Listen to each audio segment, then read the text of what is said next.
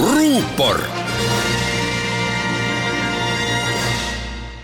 tere, mina olen ajakirjanik Ainar Ruussaar. ilmselt oleme me kõik moel või teisel kokku puutunud väliseestlastega. Neid, kes siit sõja ja repressioonide eest seitsekümmend seitse aastat tagasi lahkusid, jääb üha vähemaks, aga paljud nende järeltulijad hoiavad agaralt sidet ajaloolise kodumaaga samamoodi hoolivad tänasest Eestist need, kes on välismaale elama ja tööle lahkunud viimaste aastakümnete jooksul. välisministeerium küsitles paari tuhandet viimased kümme aastat välismaal elavat noorema põlvkonna eestlast, et teada saada, kui palju Eesti ja siinne elu neile üldse korda läheb. selgus, et läheb küll seitsekümmend kuus protsenti uuringus osalenud välismaal elavatest noorematest eestlastest kinnitasid, et soovivad hoida Eesti riigiga tugevat sidet ja on väga huvitatud oma ajaloolise kodumaa arengule kaasa aitamisest.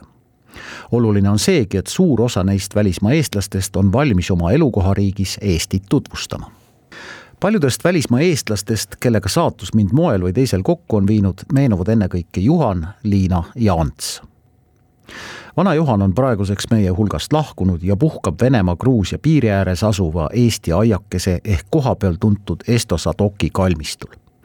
kolmkümmend aastat tagasi oli Juhan veel tegus ja kõbus vanamees, kes oli kortsus nagu kurat, aga terav nagu pliiats.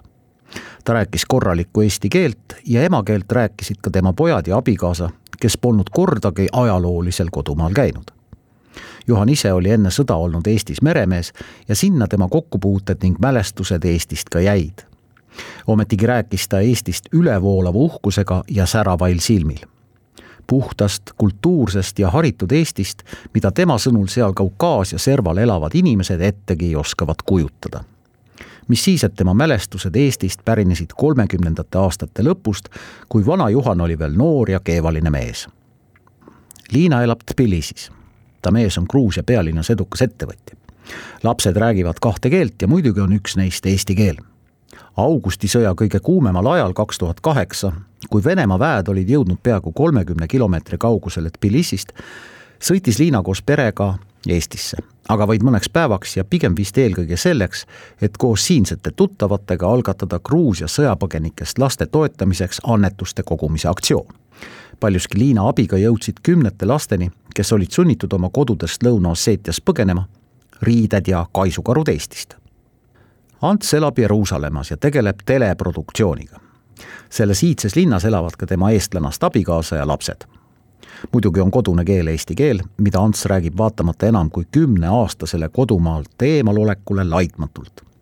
Ants on Iisraelis ettevõtja, talle kuulub väikene teleproduktsioonifirma mis aitab ilmselt meenutada kunagist operaatoriametit Eestis. Kõige sellega, mis toimub Eestis, on Ants detailideni kursis, nagu ka kõige sellega, mis toimub tema praegusel elukohamaal. ta teab rääkida haaravaid lugusid igast IC Jeruusalemma majast ja kivist. sellised nad olid ja õnneks on need mujal elavad eestlased. Neil on väga oluline Eesti käekäik, Eestiga ühenduse hoidmine ja eesti keel. ka meie võiksime veidi rohkem neile mõelda sest nemad on killuke Eestit seal kusagil, vahel meist väga kaugel asuvates ja väga teistmoodi riikides. ruupor